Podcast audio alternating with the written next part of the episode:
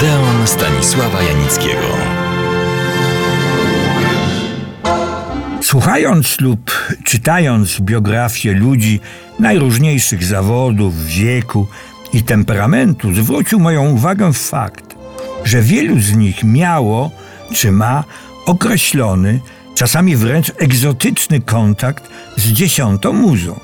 Przed laty opowiadałem już Państwu w Odeonie o mojej rozmowie, którą przeprowadziłem z profesorem Włodzimierzem Zonem, wybitnym polskim astronomem. Przełomową dla mnie była wiadomość, że profesor jest zapalonym kinomanem i to od lat dziecięcych czy młodzieńczych. Na tym poprzestanę, bo przed laty już słuchaczom Odeonu tę rozmowę prezentowałem. Minęły lata, minęły piosenki. Przypadek, przygotowując jeden z odeonowych felietonów i przekopując się przez swoją przepastną bibliotekę, trafiłem na książkę napisaną przez jednego z najpopularniejszych, najlepszych i najciekawszych polskich piosenkarzy lat przed, ale i powojennych. Tytuł książki Od Palanta do Belkanta. Autor Mieczysław Fok. Czytam ja tę książkę, te wspomnienia z rozrzewnieniem, bo ten dawny świat z wszystkimi swoimi blaskami, ale i cieniami nagle ożywa. W dodatku okraszone jest piosenkami. Większość to przeboje, żeby nie powiedzieć szlagiery, bo tak się dawniej je nazywało. Ale tak od początku, rzecz jasna w telegraficznym skrócie. Mieczysław Fok, a w pełnym brzmieniu Fogiel, urodził się w 1901 roku w Warszawie. Był uczniem realnego gimnazjum. W 1910 roku wstąpił do polskiego skautingu. Służył jako ochotnik w Wojsku Polskim w czasie wojny polsko-sowieckiej. Dokładnie w 23 polowej autokolumnie. Uczestniczył też w wyzwalaniu Wilna. W 1922 roku ukończył gimnazjum i rozpoczął pracę, uwaga, w warszawskiej dyrekcji polskich kolei państwowych. Nasz bohater, Mieczysław Fok, wiódł w tym dobrym tego słowa znaczeniu dwa, a właściwie trzy życia. Wszak w tym czasie ożenił się i został ojcem. Mimo tak zwariowanego trybu życia, każdą wolną chwilę poświęcał żonie i synowi.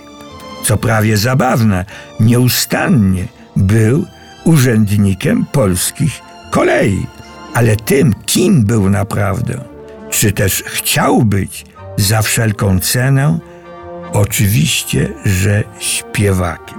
Najwybitniejsi nauczyciele śpiewu poświęcali mu swój cenny czas, bo widzieli w nim nieprzeciętne zdolności i nieprawdopodobną chęć do nauki i poświęcenia się tej wymarzonej przez niego sztuce. Oczywiście bez wrodzonego talentu niczego by nie zdziałał. Zaczęli go zauważać, doceniać i angażować władcy polskiego kabaretu. A kabaret ówczesny to były wyżyny naszej sztuki rozrywkowej, tej ambitnej, na przemian finezyjnej i rubasznej, która przetrwała po dziś dzień, rzecz jasna w nowej formie. Nasze powojenne kabarety, nieraz w zupełnie innej sytuacji, zachowały jednak ducha tamtych czasów, w których Mieczysław Fok zajmuje należne mu miejsce. Ale ja nie czuję się upoważniony, by wartościować jego twórczość śpiewaczą czy estradową. Warto tylko pamiętać, że droga Mieczysława Foga do tej nieprawdopodobnej popularności nie była łatwa i prosta.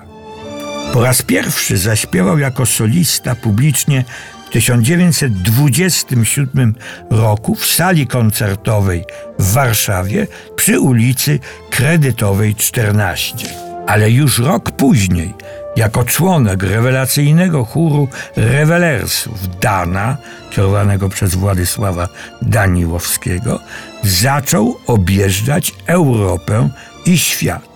Sława Mieczysława Foga utrwaliła się przed wojną i odżyła po wojnie. Ale przecież przeżyliśmy straszliwą II wojnę światową. Co wtedy się z nim działo? W pierwszych dniach wojny brał udział w spontanicznych koncertach dla polskich żołnierzy. Potem opuścił Warszawę i występował we Lwowie. Wrócił jednak do Warszawy. Występował w kawiarniach dostępnych polskiej publiczności, między innymi w Café Bodo. Wykonał wtedy pierwszą okupacyjną piosenkę pod tytułem Ukochana, ja wrócę. Mieczysław Fok był członkiem Armii Krajowej. W czasie powstania warszawskiego śpiewał dla żołnierzy i cywilów. Był kilkakrotnie ranny. Wtedy wykonywał po raz pierwszy sławny Marsz Mokotowa. Jeszcze w czasie powstania odznaczony został Złotym Krzyżem Zasługi, nadanym mu przez rząd londyński. Już w styczniu 1945 roku wrócił do Warszawy, a 4 marca otworzył w ruinach domu przy ulicy Marszałkowskiej 119 pierwszą kawiarnię w lewobrzeżnej Warszawie.